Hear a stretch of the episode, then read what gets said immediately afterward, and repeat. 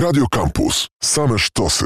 Róża Wiatrów. Audycja o stosunkach międzynarodowych. Marcin Uniewski przy mikrofonie, to jest audycja e, Róża Wiatrów. E, moim i waszym gościem, oczywiście telefonicznie. E, tu raz względy odległości, bo pan doktor jest w Krakowie, a dwa też względy, oczywiście gdyby nawet był w Warszawie, to względy bezpieczeństwa, więc rozmowa telefoniczna. Pan doktor Artur Skorek z Instytutu Bliskiego i Dalekiego Wschodu Uniwersytetu Jagiellońskiego. Witam serdecznie, panie doktorze. Dzień dobry, pozdrawiam pana i słuchaczy. Porozmawiamy dzisiaj o e, Izraelu, chociaż w tle będzie koronawirus, bo od tego tematu pewnie też nie da się uciec w sprawach międzynarodowych. Mm, wydawało się po tych ostatnich wyborach, mm, z początku marca parlamentarnych w Izraelu, że mm, i po trwających kilka tygodni rozmowach koalicyjnych między różnymi partiami, że Benjamin Netanyahu, nazywany niezatapialnym, nazywany magikiem przez to właśnie, że ma e, bardzo dużą zdolność do przetrwania na scenie politycznej, no jednak władzę e, straci, grozi, grożą mu, znaczy zarzuty prokuratorskie już usłyszał, miał się rozpocząć proces, więc tak naprawdę groziło mu więzienie, zarzuty dotyczące korupcji i wykorzystywania zaufania publicznego, wykorzystywania władzy. No ale właśnie, dzięki koronawirusowi wydaje się, że premier Benjamin Netanyahu pozostanie premierem Izraela Izraela. Uda mu się na razie uniknąć sprawy sądowej, mm, uda mu się uniknąć, e, uda mu się uniknąć w jakiejś tam dalszej perspektywie mm, więzienia, czy groźby więzienia, ale zanim powiemy o tym, jak mu się to udało, czy udaje to, no właśnie, żeby to szersze tło nakreślić, proszę powiedzieć, panie doktorze, jak wygląda sytuacja, jeśli chodzi o epidemię mm, w Izraelu. Ja tylko dodam te najświeższe dane, ponad 8 tysięcy osób zakażonych w Izraelu. E, restrykcyjne bardzo prawo rząd wprowadził. Ono się mhm. ma jeszcze zaostrzyć przed świętem Paschy. E, zgadza się. E, I ten koronawirus e, mocno dotknął społeczeństwo izraelskie, czyli widać, że ta liczba zarażonych jest mniej więcej dwa razy większa niż w Polsce, a społeczeństwo izraelskie jest ponad cztery razy mniejsza niż e, społeczeństwo polskie. E, jeszcze do dzisiaj liczba ofiar, ta radosna informacja w tych ponurych czasach e, jest relatywnie rzecz biorąc mniejsza niż w wielu innych państwach, bo to jest ponad 70 osób teraz. No i tak jak Pan wspomniał, Izrael w zasadzie od samego początku podjął dosyć rygorystyczne działania. Jako jedno z pierwszych państw w Zachodzie zablokował ruch, ruch lotniczy, czyli nie przyjmował żadnych turystów, tylko obywateli Izraela. No teraz mamy takie procedury, jak na przykład kilka dni temu całkowite zamknięcie miasta Bnei Brak, miasta ultraortodoksyjnych Żydów, gdzie niektórzy wskazywali, że około 40% e, mieszkańców może już być zarażonych e, koronawirusem. Więc teraz jest ono całkowicie odcięte i tą kwarantannę całego miasta pilnuje policja, pilnuje wojsko. Dzisiaj e, te, te obostrzenia zostały rozszerzone ze względu na to, że najbliższy tydzień to jest właśnie tydzień związany ze świętami Paschy. Pascha zacznie się dzisiaj wieczorem. To został zakazany również ruch międzymiastowy. No, Pascha to jest święto rodzinne, więc trzeba odwiedzać się, no i żeby uniknąć tej sytuacji, że te święta będą sprzyjać także rozprzestrzenianiu się e, wirusa, no, doprowadzono do, do zamknięcia wszelkich dróg międzymiastowych, no poza szczególnymi przypadkami, czyli powiedzmy przypadkami e, medycznymi i też już mamy rogatki z wojskiem, z policją na drogach, e, które strzegą tego, żeby ten, ten ruch się nie odbywał. Sama Jerozolima została podzielona tak naprawdę na siedem stref, które są jedna od drugiej odcięte. Co, co tak naprawdę ma też na celu e, zamknięcie tych miejsc, gdzie rozwój koronawirusa był najszybszy, czyli e, tych miejsc, gdzie żyją ultraortodoksyjni Żydzi, bo tam te wskaźniki e, zarażalności są najwyższe. To jest, y, no, nakreśliliśmy tło, bo żeby też zrozumieć, co się dzieje obecnie w Izraelu, jeśli chodzi o politykę Izraela i opozycję Benjamina Netanyahu, to jest ważne też to, y, to jest ważne też to tło. Y, no właśnie, po marcowych wyborach, trzecich dodajmy już w ciągu niecałego roku w Izraelu, bo nie udało się Aha. przez te y, poprzednie wybory, na razie też jeszcze nie, ale przez te poprzednie wybory nie udało się sformułować rządu. Wynik pomiędzy partią Likud, czyli partią Benjamina Netanyahu, a partią niebieską niebiesko-białych Benego Gansa, czyli byłego izraelskiego generała, szefa sztabu armii izraelskiej, drugiej tak naprawdę największej partii w Knesecie. Również jemu nie udało się sformułować rządu. No i teraz po tych wyborach jednak pewien przełom nastąpił, bo Benny Gantz wydawało się, że zebrał większość potrzebną do stworzenia, do stworzenia rządu. Prezydent Izraela Ruven Rivlin już mu misję e, stworzenia rządu e, przekazał. No i wydawało się, że to jest koniec Netanyahu prawdopodobnie, e, bo Benny Gantz zostanie premierem, a Netanyahu stanie przed sądem. No ale nagle Benny Gantz, wbrew temu, co wcześniej zapowiadał, że nie będzie rozmawiał z Netanyahu, zdecydował się na rozpoczęcie rozmów koalicyjnych z Likudem, żeby stworzyć w, właśnie w obliczu epidemii, stworzyć taką ponadnarodową wielką koalicję. Czegoś takiego nie było od początku istnienia Izraela, takiej wielkiej koalicji rządzącej, czy takiego rządu koalicyjnego. Mm, więc proszę powiedzieć, panie doktorze, na początku, dlaczego Benny Gantz, wbrew temu, co mówił, wbrew temu, czego chcą jego wyborcy, wydaje się, zdecydował się jednak wyciągnąć rękę do, do Netanyahu i rozpocząć z nim rozmowy koalicyjne o stworzeniu wspólnego rządu. O tych zasadach takich dokładnie zaraz powiemy, jak to ma wyglądać. Na razie skąd taka decyzja? E, czy możemy mhm. stwierdzić, skąd taka decyzja? E, tak, no, wydaje się, że dwa główne powody można tutaj podać. Jeden e, to byłby bardziej personalny i mówi się o tym, że no, Benny Gantz nie jest wytrawnym politykiem i ta sytuacja zaczęła go powoli przerastać. Znaczy ciągłe wybory i ciągły impas, który nie prowadził do, do niczego nowego. Wydawało się, że Benjamin Netanyahu doskonale radzi sobie w tej sytuacji, no i jako wytrawny polityk manewruje e, pomiędzy różnymi trudnościami. No i dalej pozostaje e, premierem Izraela, który rządzi. E, rządzi także w tych trudnych czasach koronawirusa, co e, dotychczas e, sprzyja także jego wynikom mm, sondażowym, że więc ugiął się, nie widząc możliwości złamania tego impasu. E, druga rzecz, tak jak Pan wspomniał, rzeczywiście 62 mm, członków parlamentu, czyli większość parlamentu rekomendowało Beniego Gantza na nowego premiera, natomiast jest to grupa bardzo podzielona i wprost mówili e, posłowie z różnych partii, wspierających Beniego Gansa, że oni chcieliby Beniego Gansa na premiera, ale nigdy w życiu nie chcieliby być w koalicji z innymi partiami opozycyjnymi. Więc te podziały opozycyjne tak naprawdę uniemożliwiały to, żeby Benny Gantz stał się um, premierem rządu, który nie uwzględniałby prawicy izraelskiej. No i być może to E, spojrzenie bardziej pragmatyczne zmusiło go, popchnęło do tego, żeby negocjować z Likudem. I może nie same negocjacje z Likudem e, były tym, co rozrażniło najbardziej wyborców Beniego Gansa, ale to, że wydaje się, że godzi się na to, że e, przywódcą tej koalicji narodowej, pojednania narodowego będzie dalej Bibi Netanyahu.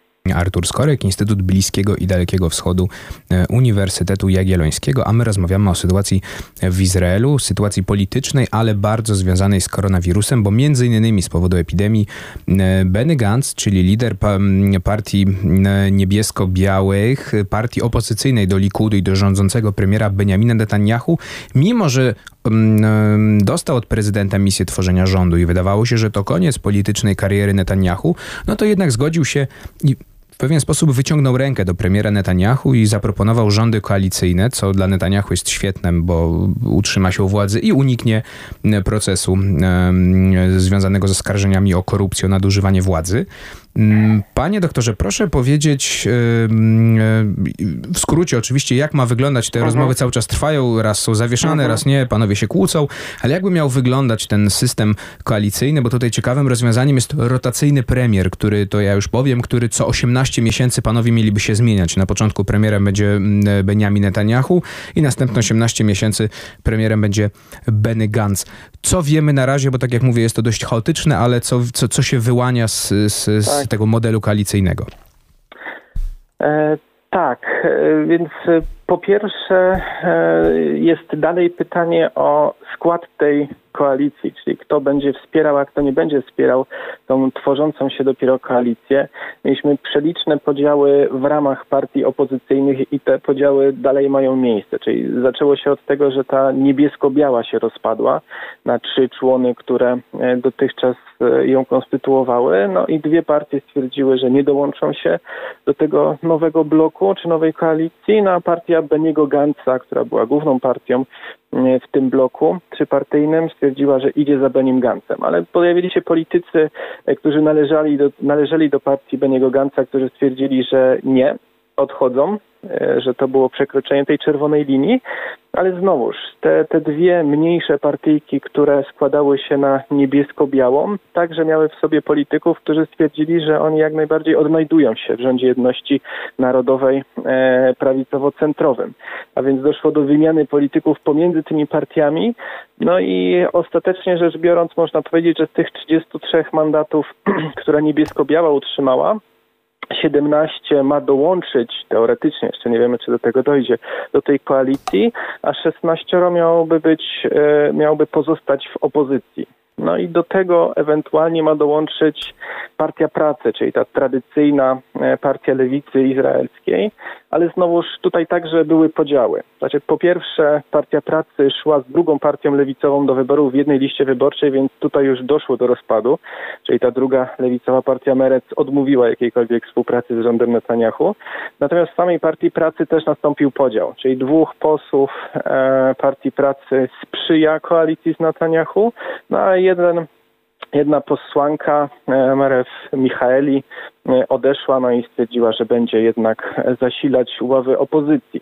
E, więc i, i, to są informacje z wczorajszego dnia, więc jak rozumiem, jeszcze wiele może też zmienić się w tych ruchach poszczególnych polityków pomiędzy ewentualną koalicją opozycją, no ale wydaje się jednak, że przynajmniej połowa tych niebiesko-białych, Likud oraz partie ultraortodoksyjne byłyby tym głównym członem tej nowo tworzącej się koalicji jedności narodowej. No i tak jak pan wspomniał, e, tak naprawdę rozmowy toczyły się głównie początkowo w odniesieniu do tego, kto miałby być pierwszy premierem. No bo miałby być premier rotacyjny. To już w 80 latach zdarzyło się raz w Izraelu, e, że, że taka rotacja premierostwa miała miejsce. No tylko to jest właśnie zawsze obawa, czy po 18 miesiącach to druga strona dotrzyma koalicyjnej umowy i odda władzę i odda premierostwo, no bo to jest raczej dżentelmeńskie porozumienie, a nie coś, co jest wpisane w prawie konstytucyjnym e, Izraela. No więc dotychczas Benny Gantz stwierdził, że to on ma być tym pierwszym, no ale najwyraźniej ugiął się i zgodził się na to, żeby przedłużyć o 18 miesięcy ten żywot polityczny czy premierowski e, Binjamina Netanyahu. No i jeśli to by miało miejsce, no to jest pytanie, czy za 18 miesięcy znowu już powołując się na jakieś szczególne e, okoliczności e, chciałby on utrzymać tą władzę, czy rzeczywiście oddają Beniemu Gantzowi? Właśnie, zapytam pana jako obserwatora od lat sceny politycznej Izraela, człowieka, który też obserwuje karierę Benjamina Netanyahu. No jest to gracz wytrawny, żeby nie powiedzieć cyniczny, albo dążący też po trupach do celu. Myśli pan, że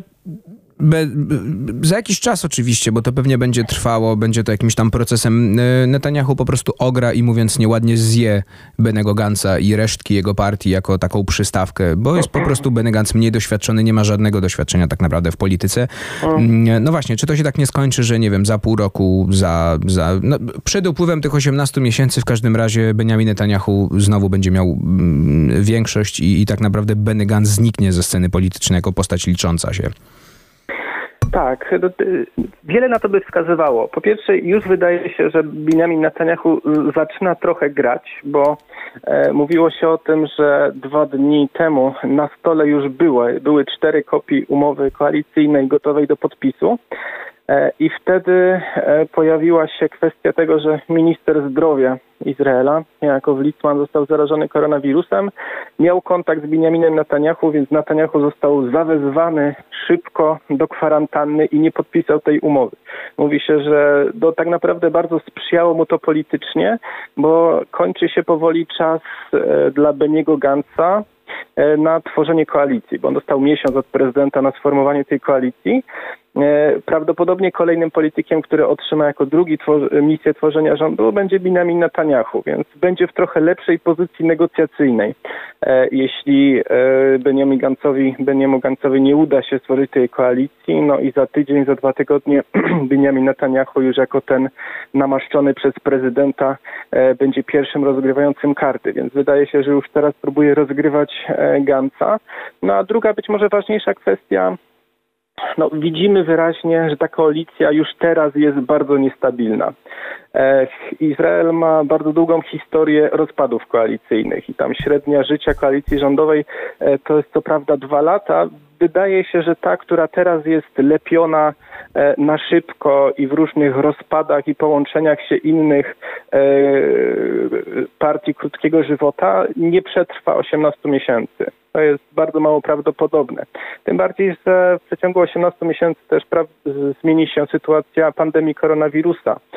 No i wtedy w tych zmienionych warunkach e, prawdopodobnie mm, także stosunek różnych polityków do koalicji z Benjaminem Netanyahu e, zacznie się zmieniać. Więc najpewniej to, co za 18 miesięcy się stanie, nie będzie regulowane jakąś umową Netanyahu-Gantz dzisiejszą, tylko warunkami za 18 miesięcy. My rozmawiamy o mm, Izraelu, o sytuacji w Izraelu, wychodząc od sytuacji epidemiologicznej, sytuacji związanej z koronawirusem, no ale ta sytuacja pomogła zdecydowanie mm, Benjaminowi Netanyahu mm, utrzymać się, prawdopodobnie pomoże mu utrzymać się u władzy i uniknąć procesu związanego z oskarżeniami, między innymi o korupcję. No właśnie, bo z jednej strony, panie doktorze, są te rozmowy z Benem Gancem, które już po pozwalają Netanyahu utrzymać się na powierzchni i, i, i, ciągle utrzymywać władzę, ale też Netanyahu w związku z koronawirusem no, oddalił od siebie y, problem, problem z, problemy z wymiarem sprawiedliwości, bo zawieszone są na razie prawda, sądy, działania prokuratury, więc tak naprawdę proszę powiedzieć, jak to wygląda. Na, na, na święty nigdy na razie, rozumiem, jest ta sprawa zarzutów dla Netanyahu odłożona. Tak, znaczy no, możemy domyślać się, że jeśli sądy w ogóle zostaną odblokowane, bo, bo teraz działają na pół gwizdka, to, to sprawa powróci. Natomiast rzeczywiście bodajże 17 marca miał mieć pierwsze, e, pierwszą rozprawę Benjamin Netanyahu, no i to zostało e, odłożone bez podania kolejnego terminu, no bo wiadomo, że sytuacja e, jest dynamiczna. I, i ta kwestia rzeczywiście jest jedną z kwestii kluczowych, o których teraz dyskutuje się, także w ramach tych rozmów koalicyjnych, bo poza tą kwestią personalną, kto będzie pierwszym premierem która już została rozstrzygnięta. To teraz dwie kwestie, które były dyskutowane e, pomiędzy e, Gancem a Netanyahu, to była właśnie kwestia Sądu Najwyższego oraz kwestia aneksji zachodniego brzegu Jordanu. O to spierali się panowie. Gantz e, raczej chciał powstrzymać się od aneksji mm, Doliny Jordanu w zachodnim brzegu Jordanu, a Netanyahu uparł do, do szybkiej aneksji. No i druga rzecz to jest powołanie nowych sędziów Sądu Najwyższego, czyli kwestia związana także e, z tą sprawą e, Netanyahu personalnie, ponieważ mm, gdzieś tam na agendzie mm, jest sędzia, który prowadzi teraz sprawę karną e, Netanyahu, a którego opozycja widziałaby jako przyszłego sędziego Sądu Najwyższego. No i teraz te rozmowy koalicyjne trwają wokół kwestii tego, w jaki sposób będą dobierani nowi sędziowie Sądu Najwyższego. E, obecnie bardzo duży wpływ na ten wybór ma establishment prawniczy, który może tak naprawdę wetować powołanie nowego e, sędziego Sądu Najwyższego.